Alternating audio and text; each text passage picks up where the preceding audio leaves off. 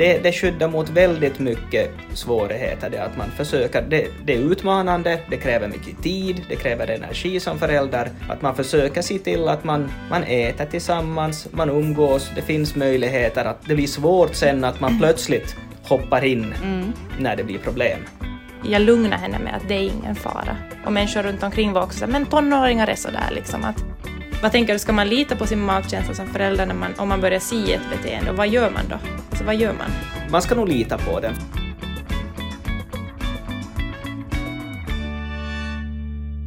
Rebecka, häromdagen så skickade du ju ett långt röstmeddelande åt mig. Lite smått upprörd. Ja, upprörd och man hörde lite panik i rösten. Och... Mm. Vad var det det handlade om? Det handlade om att min dotter har ju börjat på ettan och eh, de har en kampanj där på skolan som är en del av den här kampanjen, då jag kommer inte riktigt ihåg vad den heter, men, det, eh, men de ska fokusera liksom på hälsovanor och att äta hälsosamt och grönt och frukt och så här. Och att de ska då skriva ner vad de äter för frukt och grönsaker, är en del av det här projektet då. Och det, det liksom triggar mig, jag känner som att min puls nu redan går upp. att det triggar mig jättemycket eftersom att jag har en, en egen bakgrund med, med ätstörning. Och jag vet att en sån här uppgift eller en sån här övning eller vad man nu kallar det, så är en sak som för många är en trigger eller så liksom ett frö till att börja fokusera på mat och kanske också se mat som bra och dåligt och liksom, men att tankesättet ändrar kring mat. Mm.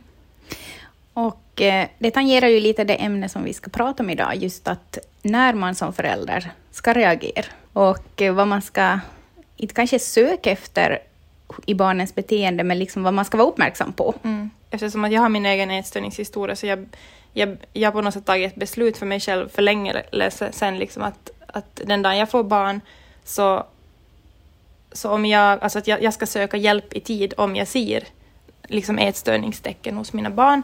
Eh, också eftersom att vi har diskuterat det mycket med min mamma att, att hon önskar att hon skulle ha sökt hjälp tidigare. Mm. Och hur gammal var du när du insjuknade?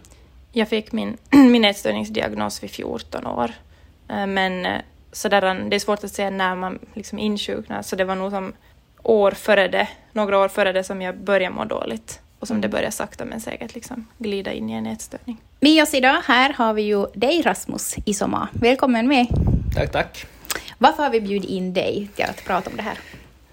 Ni antar väl att det, det är för att, att jag är någon form av ätstörningsexpert. Jag har jobbat både som forskare och, och behandlare av ätstörningar under de senaste 15 åren och idag är jag verksamhetsledare för Fredrika-kliniken i Jakobstad.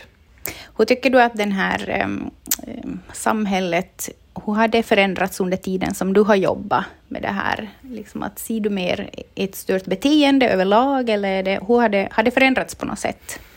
Jag tror att en allmän medvetenhet om ätstörningar har, har ökat, åtminstone. Man pratar mera om det i samhället, man ser mera, ätstörningsproblematiken är mera synlig, men, och det ger ju en känsla av att ätstörningen skulle ha ökat. Och det finns, det finns en viss sanning i det. En del forskning finns det nog som man ser att jämför man kanske med forskning som gjordes slutet av 90-talet, riktigt början av 2000-talet med forskning som görs idag, mm. så ser man nog betydligt mera ätstörningar. Men där har också definitionen av ätstörning har lite ändrats, så att det, det, är svårt att säga riktigt vad som händer, men vi har nog åtminstone inte mindre ätstörningar idag än vad vi hade för 20 år sedan. Men om, för de som nu, man pratar ju om ätstörningar, men om du skulle säga kort ge en definition till någon som inte har koll på vad en ätstörning är, så vad är, vad är en ätstörning? Riktigt i all sin enkelhet, om man riktigt ska göra det, skala bort så mycket som mm. möjligt för att förstå, så en ätstörning är när man har ett avvikande ätbeteende som leder till negativa konsekvenser för en själv.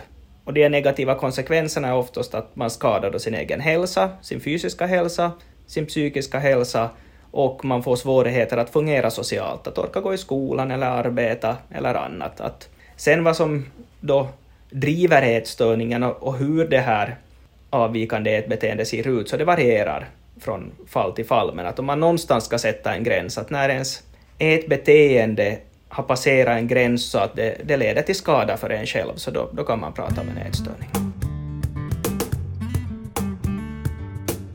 Som jag sa redan tidigare så vad heter det, så har jag tänkt mycket på det här att när, att om mina barn, om jag börjar se att jag börjar se liksom varningsklockor ringa i mitt huvud i framtiden eller när som helst, att de just får ett avvikande ätbeteende eller att det blir någon problematik. Så jag funderar på att, att när ska jag liksom reagera eftersom att min mamma upplever att hon reagerar för sent och att hon liksom, hon kände någonstans långt före de reagerade att någonting var fel. Men samtidigt så, så hade min ätstörning börjat växa och bli starkare så jag liksom, jag lugnade henne med att det är ingen fara. Och människor runt omkring var också så här, men tonåringar är sådär liksom att, så det är det jag också funderar att, att nu när jag ser mina barn växa upp, så jag har ju bearbetat min ätstörning jättemycket. Eh, men nu när jag ser dem växa upp så inser jag att jag kommer att måste gå igenom det på något sätt medan att de växer upp, att de går igenom de här åldrarna och de kanske börjar vet inte, sminka sig och vara mer fokus på kroppen och använda sociala medier. Men liksom, när, när ska man reagera? När, och vad ska jag göra? Alltså, vad ska man vara uppmärksam Vad ska man vara på? uppmärksam på att liksom ta fasta på? För det första är det ju väldigt svårt. Och för en ätstörning kommer oftast väldigt smygande. Mm. Den, det föds som någon form av idéer, lite frön som föds i tankarna som sen börjar, börjar växa vidare. Oftast en idé om att, att man skulle, man tänker att man skulle börja må bättre om man skulle kanske gå ner i vikt eller om man skulle äta hälsosammare, om man skulle träna mera. Att det finns som en tanke bakom som driver, driver det här och sen småningom så börjar det övergå i beteende. Att det är den här vanliga, vanliga processen som man ser. Sen för vissa kan det nog vara också att man lite som halkar in i det i misstag, att man, änd- man gör ändringar i beteende, man kanske någonting ändrar i vardagen så att man får i sig mindre energi i förhållande till, till vad man förbrukar och, och den här själva svälten börjar föda tankar. Men det, i de allra flesta fall så finns det nog en idé bakom. Och den här idén är väl utsprungen ur det att, att man, man har mått lite dåligt på något sätt. Varit lite osäker på sig själv eller man kanske har svårt med kompisar, det kan vara svårigheter i familjen. Nå, någonting som gör att man får ett större behov av att, att försöka förändra sitt liv och sitt mående. Det, det som ju många ser är väldigt små förändringar först och man, man, kan, man kanske kan förstå det först efteråt när man ser tillbaka att man vill äta lite hälsosammare, man vill lämna bort godis, sötsaker, annat. De flesta föräldrar är ganska nöjda när barnen gör det. Ja, det, jag, det väcker flera tankar för att jag, den här första idén för mig så var ju det att jag hade på något sätt uppfattat, kanske där när jag blev 10, 11, 12 år, att, att det var någonting, alltså, alltså att folk tyckte att det var någonting med min kropp som inte var fint, liksom. Att jag var lite inom situationstecken för mullig och jag fick kanske kommentarer kring det inom de idrott jag höll på med, liksom att jag, jag kände att, det var no, att jag inte passade in, att jag var inte liksom det som var vackert. Och det började liksom med en idé från att jag måste förändra det här. Mm. Att jag måste göra någonting åt saken. Ja, det låter ju som en väldigt sån traditionell, typisk process, att, att det fanns en, en tanke ändå om att, att genom att ändra på kroppen så skulle du bättre passa in eller bli lyckligare eller uppfylla de krav som du upplevde från omgivningen. Men det är det jag funderar, finns, vet du, eller som finns det forskning på det då, att vad gör att, att jag till exempel som hade den tanken, att jag verkligen vet du, skred till verket, medan jag vet att många av mina kompisar också hade de tankarna. Men de, de, de liksom, det blev inte en ätstörning. Nej, de, de flesta människor upplever ju mer eller mindre kroppsmissnöje i olika perioder av livet. Men precis som du säger, så det, det, för att det ska bli en ätstörning så krävs det att, att, det, att det finns en, en grundläggande risk för just ätstörning. En annan kanske i samma situation skulle ha blivit deprimerad mera och, och, och dragit sig undan från sociala kontakter och fast det kanske var samma tanke bakom. Mm. Någon annan skulle ha kunnat utveckla någon annan problematik eller en tredje så skulle ha ryckt mera på axlarna och tänkt att äsch, det var ju tråkigt. Mm. Nu får jag göra någonting annat. Mm. Så att vi, är, vi, är, vi har olika utgångslägen när det gäller vår, vår utveckling. Men är det något vi kan påverka liksom, som föräldrar, tänker jag, så kan, kan vi preppa barnen att de är mer det här, ah, vet du, rycka på axlarna, eller är det bara någonting som vi har, vet du, med oss typ i, nej men, inte vet jag, generna eller hjärnan färdigt? Ja, alltså det finns, en, det finns helt klart eh, genetisk variation bakom ätstörning. Det betyder det att vissa har en större risk för just ätstörning än vad andra har. Och den kan man inte göra någonting Nej. åt. Den risken har uppkommit i och med befruktningen. Men vad som händer med den risken, man kan, inte, man kan inte ärva en ätstörning som man går och bär på hela livet som sen bryter ut, utan den är också kopplad till många, den här risken är kopplad till mycket annat och det kan också finnas en hel del positiva aspekter som den här risken kan utvecklas till. Mm. Det är vilken sida man ser det från. Men det vad vi ju kan göra, om vi kopplar tillbaks till helt vad vi började idag med, med det att man, hur man pratar om mat i hemmet, hur man förhåller sig till mat, också i skolan, överallt, att man inte bygger på de där tankarna. Man vet att vissa, vissa barn och unga och vuxna har en starkare tendens att försöka leva upp till olika förväntningar. Och finns det då en tydlig förväntning att, att någon form av mat är dålig, oftast sånt som har ett ganska högt energiinnehåll, och sen sånt som räknas som frukt och grönt och sallad, att det får vara, ha en sån här positiv aura. Men äter man bara grönkål så dör man. Mm. Att vi måste ha en varierad kost, och i den kosten får det, får det och ska också innehålla sånt som man äter bara för att det är gott eller som innehåller mycket energi, för barn behöver oftast mycket energi. Att tar vi bort allt det här som innehåller mycket energi så blir det en stor utmaning att få i sig tillräckligt. Och sen det andra som vi har är den här stora frågan i vårt samhälle, att hur, hur, pratar vi om kroppar? Vad är det vi lyfter fram? Hur pratar vi om, om träning? Hur pratar vi om livet? Att vad är, en, vad är ett gott liv? Att det finns mycket saker vi kan göra. Mm. Och, men jag tror ju ändå att, att oberoende kanske hur mycket vi gör, så kommer folk, kommer det alltid att finnas människor som insjuknar i ätstörning. Och då behöver vi ha åtgärder för att, att kunna hjälpa dem. Om man, eh, eller till exempel jag, eh, skulle märka sen när mina barn är äldre att de eh, tillsammans med kompisarna liksom pratar om mat och träning och liksom på ett sätt som jag uppfattar som att det här låter inte riktigt rätt, det här låter inte riktigt hälsosamt. Eh, att de peppar varann, eller sen att jag ser att hon följer konton på sociala medier som uppmuntrar till ett visst eh, ideal, eh, eller just eh, ja, sådana här små saker. När ska man liksom, och ska man ta någon slags snack med barnet om hon bara tycker att det är ju kul och det här är ju bara liksom, sluta bry dig mamma. Mm. Jag tänker nog att, att det, här, det här arbetet, oberoende då vad det handlar sen om för problematik som kommer i tonåren, för det, det blir ju mera utmanande, det blir nya utmaningar som förälder när barnen blir större också och får mera intryck utifrån, mm. så är ju det att, att visst, man behöver absolut prata om det här, men att framförallt kanske fundera, fråga mycket. Ja. Att vad är det vad tänker du om det här och, och varifrån har du fått de här idéerna och att det, vad tänker du själv om det? Mm.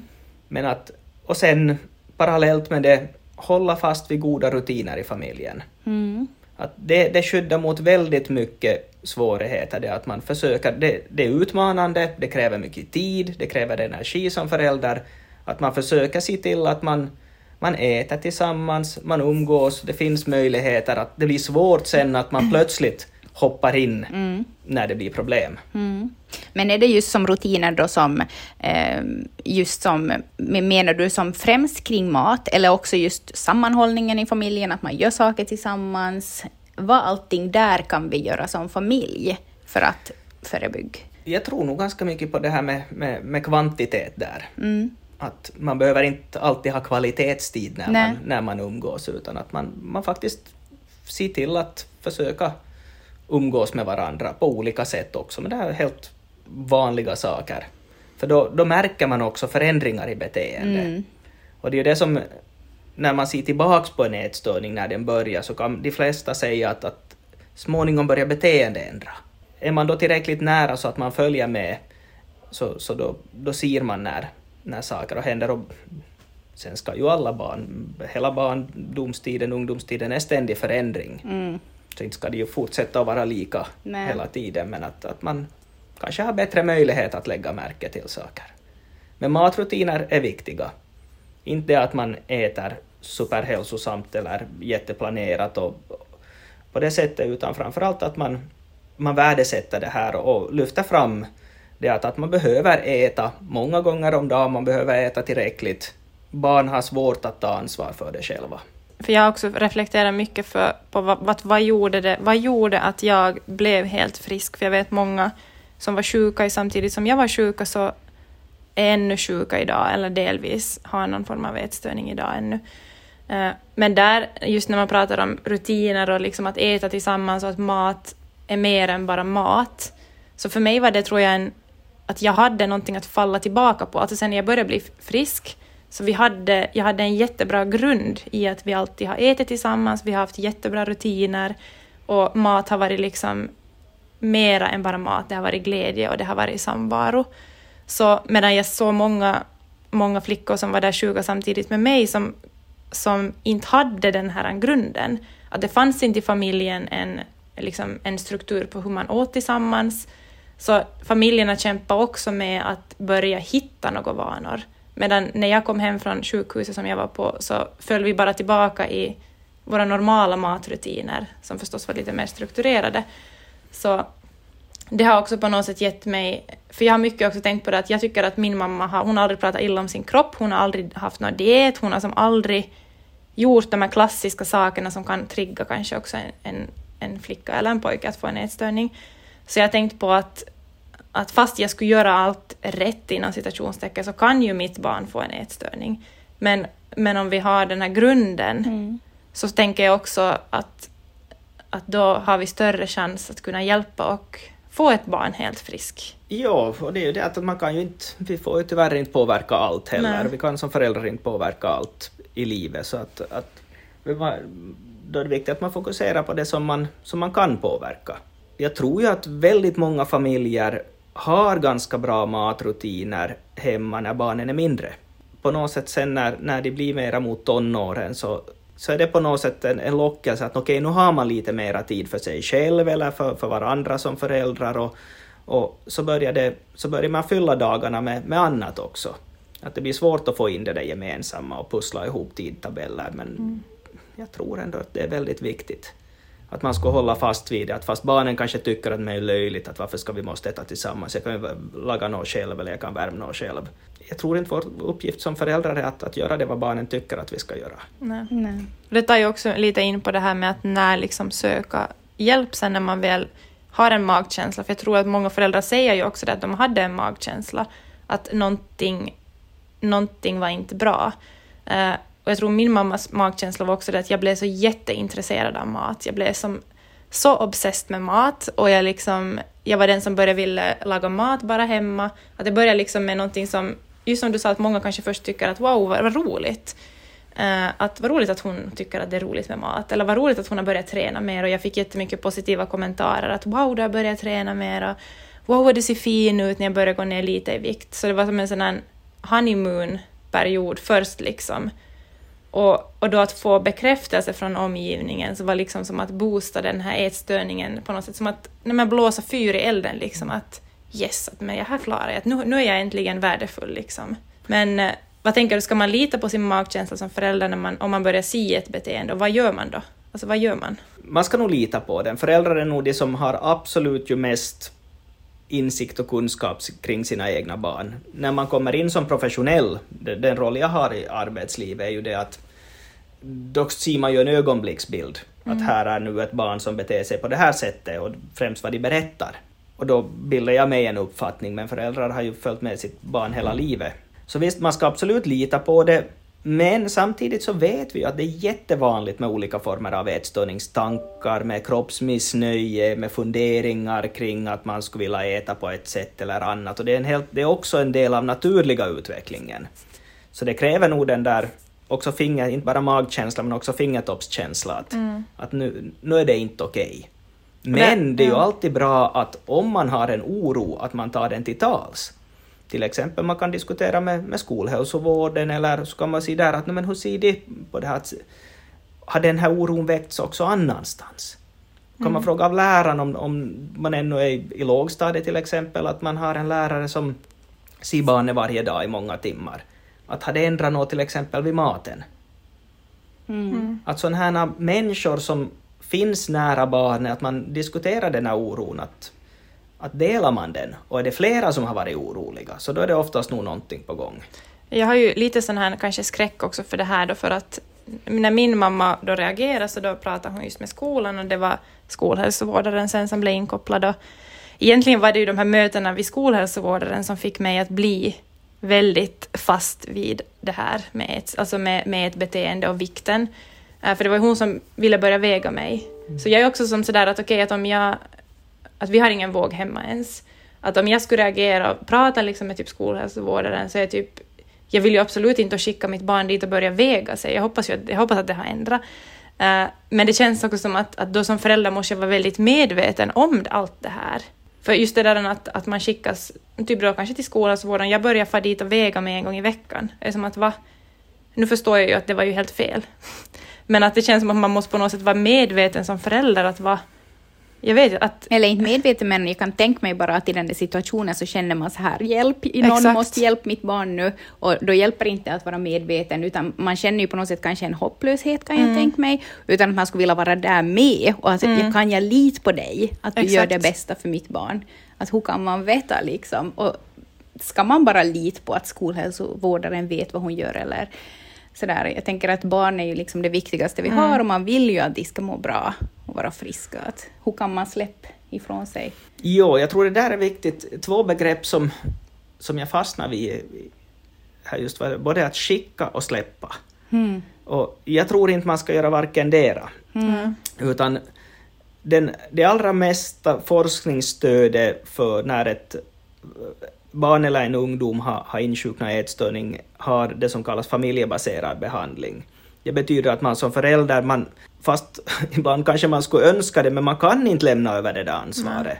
För det är hemma man är, att just som du säger att sannolikt blir det ju ingenting bättre av att man går och väger sig någonstans. Mm. Utan det måste ju ske, om, om ett beteende har förändrats så blir vi avvikande och det är otillfredsställande för, tillfället, för tillfället och det, det, man ser att det håller på att bli värre då måste ju ske en ändring i det. Att, och då behöver man, så jag tror det är väldigt viktigt att man, man tänker sig att, att man tar den där oron till tals och man ber om hjälp för att tillsammans kunna mm. hitta lösningar på det här. Att jag tror ju nog väldigt starkt på att också skolhälsovården och deras kompetens är bättre idag än vad den har varit tidigare. Att alla, alla har vi lärt oss ganska mycket om ätstörningar, men att, att man som förälder inte, inte förväntar sig, det finns ingen annan som kan reda upp det. Nej. Man kan få hjälp, mm. men att det finns ingen annan som kan göra det där jobbet för en. Så tillsammans med resurser ska man då hjälpa sitt barn? Jo, det ska mm. man. Och det finns, jag brukar alltid rekommendera åt föräldrar en sån här bok som heter Familjebaserad behandling, handbok för föräldrar vars barn behandlas för ätstörning. Eller egentligen här då anorexia nervosa, men det gäller vilken ätstörning som helst. Mm. Och där finns en väldigt fin, jag ska visa er här, nu ser ju inte, lyssnarna ser ju inte den här bilden men... Du får förklara ja. vad du ser. jo, här finns en del grundgrejer, men så finns här en, en riktigt fin bild av ett berg där man ser olika såna föräldrareaktioner på olika nivåer. Att, mm. att som förälder ska man, man kanske blir apatisk. Man, mm. man tänker att jag förstår inte det här, jag kan ingenting om ätstörningar. Det här, det här måste någon annan, det här måste någon professionell göra nu. Mm. Eller sen att man, man framförallt fastnar i det här med sympati, att man tycker synd om sitt barn. Det är jättejobbigt. Och det är klart, det, det finns alltid med där, att man tycker synd om någon som har det svårt. Men det hjälper ju kanske inte heller.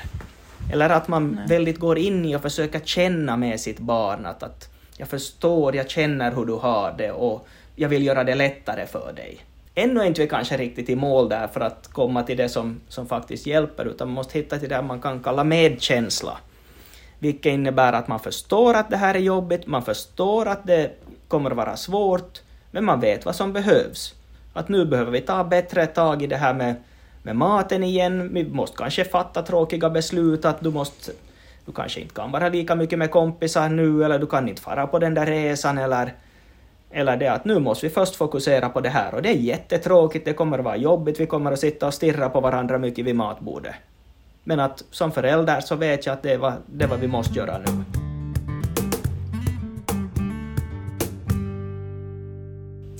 Om man då har litat uh, eh, på sin magkänsla, haft fingertoppskänsla och ändå känner att, eller liksom känner då att nej, men att jag vill faktiskt nu ha stöd i hur jag ska hantera det här. Vart ska man söka sig i första hand som förälder då, tycker du? No, I första hand, om vi, om vi utgår från det som förälder och att det är ens barn som, Mm. som har insjuknat, det kan ju också vara ens partner eller, eller någon annan någon kompis, men om vi utgår från föräldrasituationen här så, så är det ju nog att barn som är i skola så ska man i första hand ta kontakt med skolhälsovården. Antingen skolhälsovårdare eller skolkurator eller vad det andra finns för stödpersonal på skolan. Och via den vägen då kanske gemensamt att bor man i, här i Jakobstadsregionen så kan man också direkt ta kontakt med Fredrika-kliniken. Men det är jättebra om man också har kontakt med skolan, för det är ju där som barnen ändå kommer att vara. Att det är ju ingenting som... När man tar kontakt med ätstörningsvården så är det ju bara början på en process. Det är ju inte, en, det är inte slut där. Nej. Utan man kommer ändå att, de allra flesta, om, inte, om läget är väldigt akut, då kanske man behöver komma in på sjukhus en tid, om vi bedömer att nu är, nu är läget så allvarligt. Men i de allra flesta fall så kommer man ju att gå också följande dag till skolan. Så det är jättebra om skolan är medvetna om det, fast sen kanske ansvaret flyttas över om man kommer till en ätstörningsenhet så är vårdansvaret där. Men man är där oftast en timme kanske i veckan. Så man 90, 99,4 procent av veckans timmar är man någon annanstans. Antingen då hemma eller i skolan eller var man sen råkar vara. Så att det är jättebra nog att man, att man går också via skolan så att de är medvetna. Men då, lite beroende då på var man bor så finns det olika vård, vårdstigar. Antingen då att man kan komma ganska direkt till en specialiserad enhet eller sen att det ska gå via lite andra instanser och bedömas. Man kanske behöver få en remiss. Man behöver träffa skolläkaren och få en remiss till, till specialsjukvården. Att det viktigaste nog som förälder, det ansvar man har som förälder är att man tar den här oron till tals Mm. och ber om hjälp för det. Så då, då går det nog att reda ut.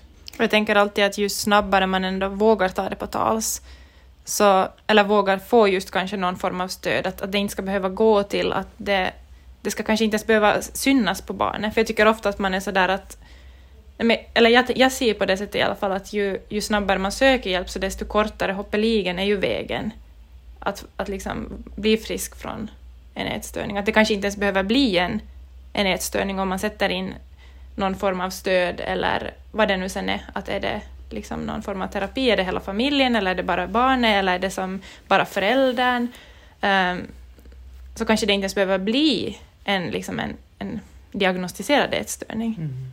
Och i de allra flesta fall, att, att eh, handlar det om en ätstörning så är det jätteviktigt att man så snabbt som möjligt tar tag i det här eh, ätbeteende. Att man ger barnen mera stöd igen hemma. Att nu tar vi tillbaks det här, att nu, nu måste vi som föräldrar ha lite mer ansvar för maten igen. Att se till att barnen äter morgonmål innan de går till skolan, det kanske kräver att man stiger upp tidigare allihopa i familjen, för det, det kan vara lite bråk eller många gånger så blir det den där stressen så det är ganska lätt sen att, att man glömmer bort att kolla att hade nu det här barnet ätit eller inte. Att man ser till att det äter morgonmål, man kanske kontaktar skolan med den här oron och, och säger åt lärarna att, att, att vi har lite misstankar här, att kan du lite hålla ett extra öga på, på de här matsituationerna här. Och sen att när man kommer hem och träffas igen efter skolan vid middagen, att man sitter ner tillsammans och ser till att man äter och äter ännu på kvällen också. Att, att det kräver att man som tar tag i det här och i de bästa fall så kan man svänga det ganska snabbt. Och samtidigt förstås pratar om det här. Att, att vad, är det som, vad är det som händer? Att, att vad är det som är på gång? Men att, att man inte... Man kanske inte ska vänta så mycket med det här med, med maten. Att, att tänka att det går över. Att det är en fas. Ja, att det är en fas som går över. För det finns ingen orsak att inte växande barn ska äta regelbundet och ordentligt. Det finns ingen situation där det skulle vara en dålig idé. Stort tack för det här samtalet. Den här bilden som du, Rasmus, eh, vi, eh, berättade om så kommer vi att lägga på vår Instagram så ni kan alla gå in där eh, så hittar ni den. Så får ni se den också. Det kändes fint att få sitta ner Mm. och prata om det och ta det från, från en föräldraperspektiv. För jag tycker att vi måste prata mer om det före vi står där och behöver hjälp. Ja. Så tusen tack. Hej då! Tack.